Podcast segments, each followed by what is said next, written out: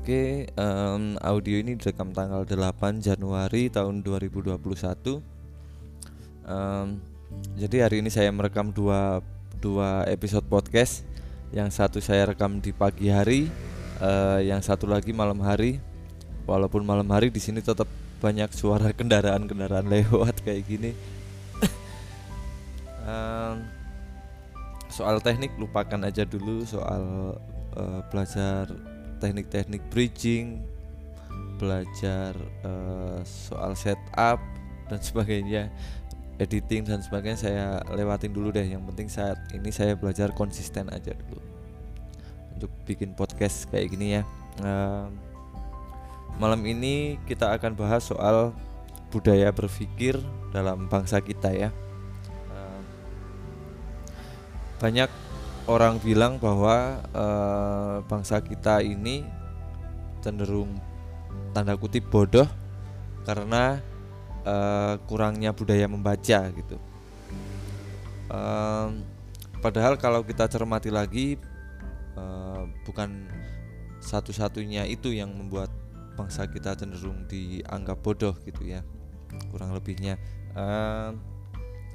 sebenarnya kegemaran membaca di zaman ini ya bisa dibilang uh, sudah cukup bagus lah untuk uh, level negara berkembang gitu. Uh, kita bisa lihat dari angka penjualan buku-buku kita bisa lihat banyak sekali penulis-penulis indie dan semua produknya laris gitu uh, bisa jadi saat ini bangsa kita ini udah memasuki eranya mulai banyak membaca gitu. Apalagi di zaman internet saat ini kan kita baca bukan cuma buku kita uh, baca artikel di internet kita baca artikel-artikel di medsos bahkan dengar podcast kayak gini pun bisa uh, menggantikan membaca yang konvensional gitu. Uh, menurut saya ketika sudah memasuki uh, memasuki zamannya kita membaca atau wawasan atau informasi uh, terbuka untuk kita maka selanjutnya adalah uh, budaya berpikir. Dan uh, menurut saya yang lemah dari bangsa ini saat ini adalah budaya berpikir sepertinya. Jadi um, sebagai uh, pemilik usaha gitu ya. Uh, kan dalam usaha ini sebenarnya kalau dikelompokkan itu menjadi dua dua bidang besar gitu. Yang satu uh, eh, CEO atau pemilik usahanya biasanya itu adalah uh, bagian apa ya berpikir gitu. Jadi uh, berpikir itu kan pada dasarnya berimajinasi gitu ya. Kita sebagai pemilik usaha itu uh, tugasnya adalah berimajinasi akan seperti apa perusahaan kita ke depan akan seperti apa uh, jalannya usaha kita ke depan dan bagian satu lagi adalah yang memikirkan bagaimana uh, apa ya um, operasional dari perusahaan kita gitu. Jadi tugasnya CEO atau tugasnya pemilik usaha sebenarnya adalah berhayal aja gitu, berimajinasi aja soal uh, bagaimana usaha kita ke depan dalam tahun-tahun berikutnya. Dan uh, di dunia nyata di dunia kerja kayak gini di dunia usaha uh, daya hayal atau daya berimajinasi itu menjadi sangat penting untuk bisa terus uh, mempertahankan usaha gitu untuk selalu bisa berkarya.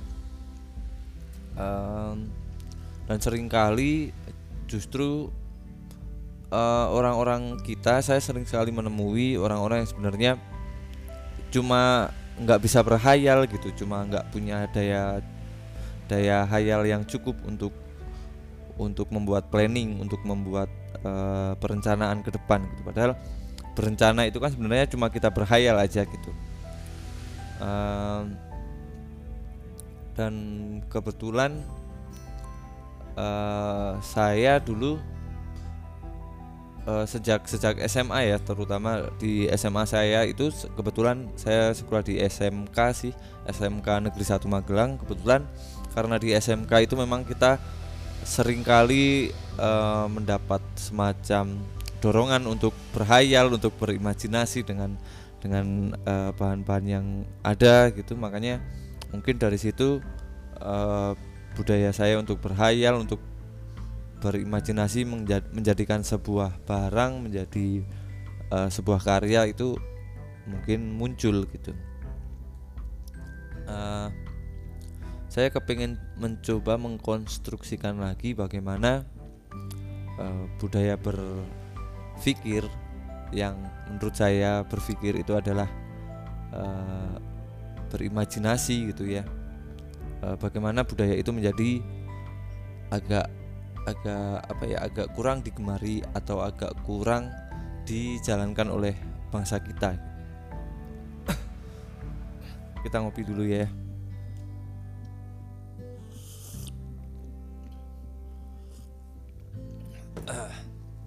Oke, okay. um, ada sebuah quote atau perkataan dari Albert uh, Albert Einstein yang sangat terkenal. Uh, Albert Einstein pernah bilang bahwa imagination is more important than knowledge atau uh, imajinasi itu lebih penting daripada pengetahuan. Uh, secara garis besar sebenarnya yang pengen dibilang sama Einstein itu adalah bahwa imajinasi itu lebih penting daripada pengetahuan. Uh, bahwa pengetahuan itu adalah sesuatu yang ada di masa lampau dan imajinasi adalah uh, apa yang akan terjadi di masa depan gitu. Jadi uh, seperti di kasus saya tadi bahwa seorang pengusaha itu hendaknya bisa berimajinasi ke depannya akan seperti apa sehingga dia bisa menyiapkan perencanaan, menyiapkan langkah-langkah untuk menyongsong masa depan gitu. Uh, di dunia teknologi contohnya mungkin uh, segala macam kemajuan teknologi yang kita miliki saat ini mungkin itu hampir semuanya berasal dari uh, semacam hayalan di masa lalu ya. Misalnya uh, layar sentuh deh. Misalnya HP smartphone yang kita miliki saat ini. Saya ingat banget uh, di masa kecil saya dulu ya uh, smart benda yang mirip smart smartphone seperti yang kita pegang saat ini itu hanya kita bisa temui di film-film fiksi gitu. Semacam Power Ranger misalnya yang di situ ada teknologi hologram di mana kita bisa uh, melakukan apa yang sekarang kita sebut sebagai video call gitu. Atau di film Star Wars misalnya ada uh, layar di mana muncul muka orang terus kita bisa ngobrol lewat layar itu sama orang. Uh, apa lagi ya? Um, pesawat terbang mungkin. Pesawat terbang dulu mungkin berasal ketika orang uh, berhayal. Bagaimana kalau manusia bisa terbang bisa menciptakan kendaraan untuk terbang gitu ya? Bagaimana uh, rasanya terbang mungkin dari dari imajinasi imajinasi kayak gitu kemudian uh, tercipta sebuah benda yang kita sebut saat ini sebagai pesawat terbang gitu yang dengan mudah kita naiki gitu setiap setiap saat saat ini. Atau mungkin yang lebih tua lagi deh uh, mungkin saat itu ada orang yang berimajinasi bagaimana kalau kita terus berlayar ke arah barat uh, kita akan menemui ujung dunia seperti apa dan itu yang dilakukan Columbus kan? Uh, sehingga dia menemukan daratan Amerika saat ini dan dan uh, maka dari kegiatan itu kegiatan berlayar lurus ke barat gitu maka manusia jadi tahu bahwa bumi itu bulat. Uh, jadi awalnya cuma dari hayalan soal bagaimana kalau kita berlayar ke satu arah apakah kita akan menemui ujung dunia seperti apa ujung dunia. Dan kemudian manusia mengetahui bahwa dunia itu bulat. Uh, mungkin lagi uh, Galileo ketika menemukan teropong kemungkinan dia cuma berhayal tuh bagaimana kalau kita bisa melihat ke langit gitu apakah di langit kita akan melihat Tuhan atau akan melihat bintang bintang-bintang seperti apa bintang-bintang itu dan sebagainya sehingga kita memiliki uh, ilmu geografi yang kita pakai saat ini awal mulanya dari imajinasi gitu. jadi uh, dari situ Einstein berpendapat bahwa imajinasi itu lebih penting daripada pengetahuan karena pengetahuan hanyalah sekedar yang sudah kita miliki dari masa lampau sementara uh, imajinasi adalah apa yang ada di masa depan gitu dan uh, kita harus bisa berpikir untuk uh, semacam menganalisa, semacam uh, mengantisipasi masa depan gitu. Nah, hubungannya apa masa depan dengan berpikir? Um, jadi sering uh, saya sebenarnya sering memperhatikan soal uh, pendidikan di Indonesia ya, karena saya punya anak, karena saya mengalami juga uh, kebetulan lingkaran pertemanan saya juga uh, banyak membicarakan hal seperti itu. Um, jadi pendidikan yang salah dari pendidikan di Indonesia uh, adalah um, pola pendidikan di Indonesia itu lebih mengedepankan hafalan daripada uh, imajinasi gitu. Di tahun ini Bapak Menteri Pendidikan meniadar, meniadakan ujian nasional karena uh, memang sudah sejak lama ya ujian nasional itu berpolemik karena dianggap um, me, memper, menjadi perpanjangan dari uh, sistem pendidikan yang sudah salah gitu. Karena uh, di sekolah kan kita dituntut untuk menghafal ya. Anda semua pasti pernah sekolah dan pasti tahu kan kalau eh, anak-anak uh, yang pintar di sekolah itu adalah anak-anak yang mampu menghafal. nilai nilai-nilai kita di sekolah selalu dinilai besar besar atau kecilnya berdasarkan uh, hafalan-hafalan kita gitu. Kita selalu disuruh untuk menghafalkan Pancasila, menghafalkan rumus matematika, menghafalkan rumus fisika dan sebagainya. Sementara uh, Einstein sendiri pernah berkata bahwa uh, ikan akan selamanya bodoh kalau dia diukur dari caranya memanjat pohon gitu. Uh, sementara kalau uh, kita semuanya disamaratakan dengan uh, satu skill yaitu skill menghafal. Maka orang-orang yang tidak bisa menghafal yang daya hafalnya lemah ya akan jadi anak bodoh selamanya. Padahal eh, pendidikan itu kan seharusnya bukan seperti itu ya. Pendidikan itu baiknya adalah menemukan di mana bakat seorang anak dan kemudian memfasilitasi bakat itu mengembangkan bakat itu menjadi tempat anak untuk mengembangkan bakatnya gitu sehingga dia eh, menemukan menemukan dunia yang tepat untuk dia berkembang di masa depan gitu.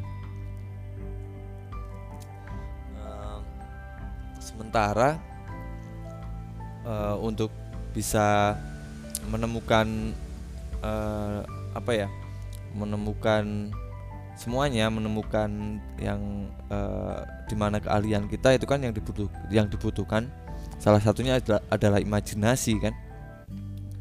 Um, Salah satu bukti nyata bahwa sekolah itu mengebiri imajinasi anak-anak.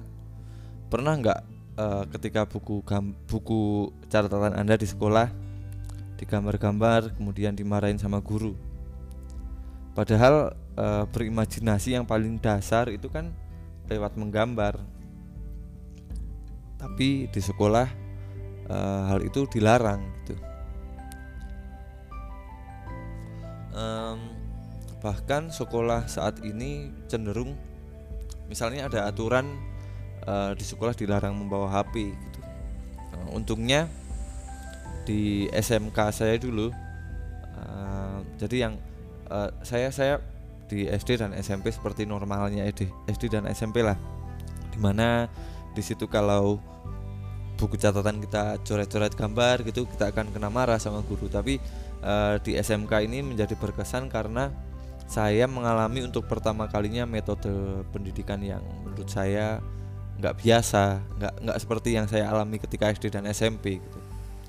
Di SMK ini ketika sekolah-sekolah lain melarang uh, siswa-siswanya membawa HP di sekolah kami justru nggak dilarang itu siswa-siswa membawa HP saat itu kan lagi marak-maraknya ya pelarangan untuk membawa handphone karena masyarakat memang mungkin seperti ag agak kaget gitu dengan keberadaan teknologi berubah handphone. Makanya kalau saat ini masih ada sekolah yang melarang muridnya untuk bawa handphone itu menurut saya aneh sekali uh, kembali lagi jadi di sekolah saya siswa itu sama sekali tidak dilarang untuk menggunakan handphone di lingkungan sekolah gitu. Tapi yang dilakukan sekolah saat itu adalah dengan uh, memberi semacam uh, apa ya semacam penyadaran bahwa HP yang ada di tangan anda waktu itu sih belum ada smartphone ya. Waktu itu yang uh, paling canggih itu mungkin Nokia 6600 kalau teman-teman ingat. Jadi di sekolah saya justru didorong untuk melakukan uh, untuk meneliti bagaimana smartphone itu bekerja. Yang saya alami sendiri sih uh, di jurusan saya jurusan otomotif itu uh, guru kami mengajarkan bahwa smartphone yang anda uh, sorry bukan smartphone uh, handphone yang anda pegang saat ini itu ada operating operating sistemnya dia bisa digunakan untuk apa. Kita diajarkan membuat uh, audio audio sistem mobil. Karena saya uh, kuliah sorry saya SMK di jurusan otomotif uh, kita diajarkan membuat sistem audio mobil yang playernya itu menggunakan handphone misalnya. Atau kita diajarkan membuat uh, alarm dengan handphone membuat uh, kontak otomatis dengan handphone dan sebagainya. Jadi uh, hampir di semua jurusan di sekolah saya kayak gitu. Jadi di sekolah saya dulu itu nggak dilarang pakai handphone tapi justru sama guru-guru di sekolah itu uh, didorong untuk memanfaatkan handphone ini uh, bahwa handphone ini nggak cuma sekedar alat alat apa ya alat permainan nggak cuma sekedar main-main gitu jadi sejak itu saya akrab dengan yang namanya berimajinasi. Uh, jadi lumayan kaget kan ketika SMP SMA kita banyak aturan ini itu yang uh, justru semacam memenjarakan imajinasi kita. Ketika di SMK kita didorong untuk berimajinasi dan uh, itu pengalaman yang sangat menarik sih untuk saya dan uh, mungkin sampai saat ini mengubah cara berpikir saya terhadap pendidikan kayaknya uh, terus uh, jadi di sekolah kita diajarkan untuk membuat mengeksplorasi sampai mana uh, handphone ini bisa digunakan ketika sekolah lain uh, melarang penggunaan handphone. Jadi kita disuruh berimajinasi nih kira-kira dengan handphone ini kita bisa bikin apa dan uh, menurut saya itu penting untuk uh, merangsang ya semacam merangsang semacam uh, membuat kita sadar bahwa berpikir itu pada dasarnya adalah berimajinasi. Uh, kemudian uh, saat ini kan saya punya anak yang pertama itu udah kelas 2 SD um, saya sendiri nggak pernah melarang ataupun membatasi anak-anak saya untuk memanfaatkan teknologi ya uh, untuk mem memakai handphone untuk uh, memakai laptop dan sebagainya. Yang yang saya lakukan adalah sama dengan yang dilakukan guru-guru saya di SMK dulu. Saya meng, sebisa mungkin mengajari bahwa eh, alat-alat uh, ini bukan cuma sekedar alat bermain gitu. Dengan dengan alat ini kita nggak cuma bisa nonton YouTube nggak cuma bisa game gitu. Paling nggak kita bisa nggak nggak usah yang serumit karena saya dulu udah SMK ya karena anak saya baru 8 tahun saya nggak mungkin juga dong ngajarin bagaimana membuat uh, audio system dan sebagainya gitu kan. Yang saya ajari intinya ya membuat karya aja dengan alat uh, handphone yang kamu punya gitu misalnya uh, anak pertama saya nih sekarang lagi bikin channel YouTube. Udah uh, udah setahunan ini sih sejak ada pandemi ini kan kebetulan sekolah libur. Jadi anak-anak di rumah gitu jadi saya agak bisa lebih mengontrol uh, kontrolnya lebih banyak di saya daripada di sekolah gitu sekarang. Uh, jadi anak saya seperti anak-anak lain kan suka nonton YouTube tuh. Uh, anak saya saya dorong jangan cuma jadi uh, penikmat aja jangan cuma mengkonsumsi karya-karya orang aja tapi uh, sebisa mungkin bikin karya juga gitu. Jadi saya rangsang kayak gitu aja.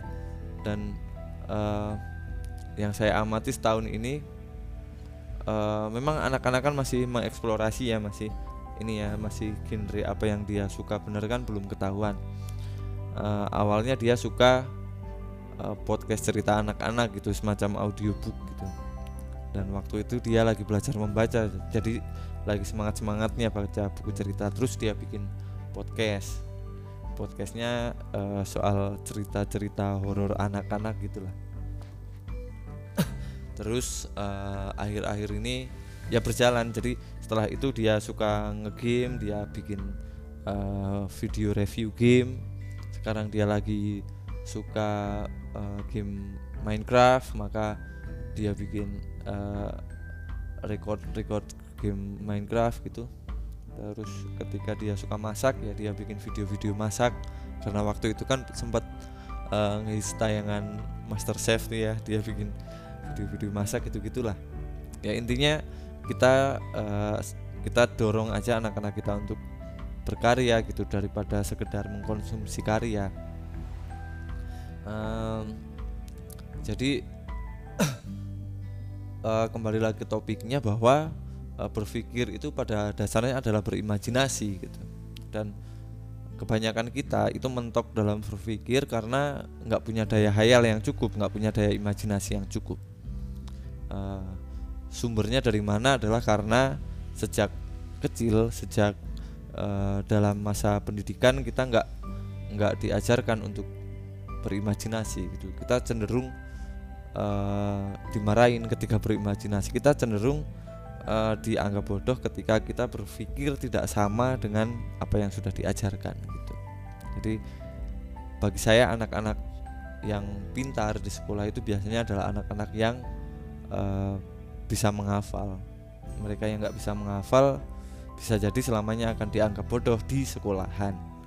Nah uh, sebagai contoh nih kalau anak-anak sekolah di Indonesia dikasih uh, kertas kosong gitu bingung nih anak-anak suruh apa soalnya apa uh, suruh mengarang atau apa gitu kan pasti bingung. Kalau seharusnya uh, ketika anak-anak yang terlatih, terlatih untuk berimajinasi dikasih kertas kosong gitu mereka bisa bikin apa aja kan bisa bikin uh, kapal terbang lipat bisa bikin origami bisa bikin uh, menggambar menulis dan sebagainya gitu. Untuk level anak-anak misalnya. Jadi uh, berimajinasi itu pada dasarnya adalah menciptakan sesuatu dari uh, aset terdalam manusia yaitu uh, daya berpikir manusia. Uh, ketika kita punya sebenarnya kan aset yang terbesar dari manusia itu kan daya pikirnya ya bukan bukan uh, berapa jumlahnya. Kayak sekarang kan lagi heboh soal uh, bonus demografi tapi kalau nggak nggak uh, demografinya sampah semua buat apa gitu ya itu ada benernya juga. Jadi uh, daya pikir ini memang sejak sejak awal terlalu kita kebiri gitu. Uh, padahal kan uh, berpikir itu kan berimajinasi atau berpikir itu kan perlu dibiasakan ya. Uh, jadi uh, kita kadang ketika di sekolah nih punya temen yang waktu di sekolah itu pintar itu jenius tapi ketika lulus sekolah mereka nggak jadi apa-apa gitu. Uh, banyak yang ketika lulus sekolah itu bingung mau ngapain. Uh, banyak bahkan yang udah lulus S1 lulus S1 masih kuliah S2 karena bingung mau ngapain setelah selesai kuliah. Ketika ditanya kenapa ngambil S2 karena bingung mau ngapain setelah lulus S1 uh, jadi bedanya ketika kita di sekolah itu kan kita ada yang nyuruh ada yang uh, ada tuntutannya gitu uh, ketika di sekolah kan kita disuruh untuk membuat tugas untuk uh, untuk membuat untuk menghafal. Kita nggak dibiasakan untuk berpikir nggak dibiasakan untuk berimajinasi gitu. Jadi ketika kita lulus sekolah dan nggak ada lagi yang nyuruh nggak ada lagi tugas kebanyakan dari kita bingung nih mau ngapain.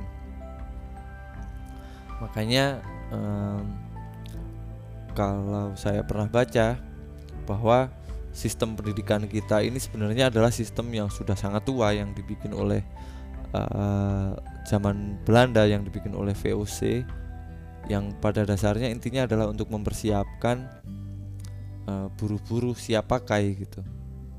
Untuk mempersiapkan tenaga-tenaga kerja yang siap pakai. Sebenarnya saat ini pun seperti itu uh, di SMK karena saya juga sekolah SMK ya.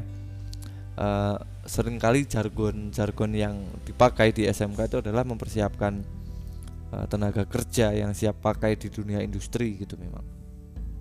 Uh, mau nggak mau kan memang kita memasuki era industri ya. Mau nggak mau nantinya juga uh, minimal lah minimal uh, ketika kita lulus sekolah kita udah siap untuk bekerja di industri itu minimalnya seperti itu. Tapi karena nggak dibarengi dengan kebiasaan berimajinasi nggak dibarengi dengan uh, kebiasaan berpikir yang mantap maka uh, akhirnya ya semuanya nggak nggak berkarya gitu. Semuanya hanya bisa uh, menurut terhadap apa yang diperintahkan gitu.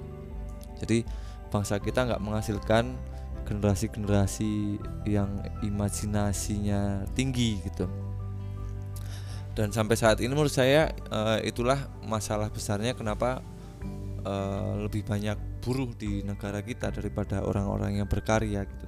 Kita nggak pernah uh, punya brand yang mendunia gitu misalnya. Kita nggak pernah punya fotografer yang karyanya dikenal di seluruh dunia misalnya.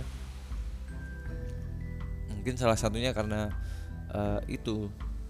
Jadi uh, mau nggak mau nih kalau kita kepengen maju ya berimajinasi lah. Kalau kita kepengen uh, mempunyai pola pikir yang bagus yang yang uh, visioner yang futuristik itu mau nggak mau ya berimajinasi lah. Karena seperti kata Einstein bahwa uh, imajinasi itu adalah masa depan. Sementara pengetahuan adalah masa lampau. Oke kayaknya cukup sekian aja. Uh, terima kasih buat yang masih dengerin sampai menit ini.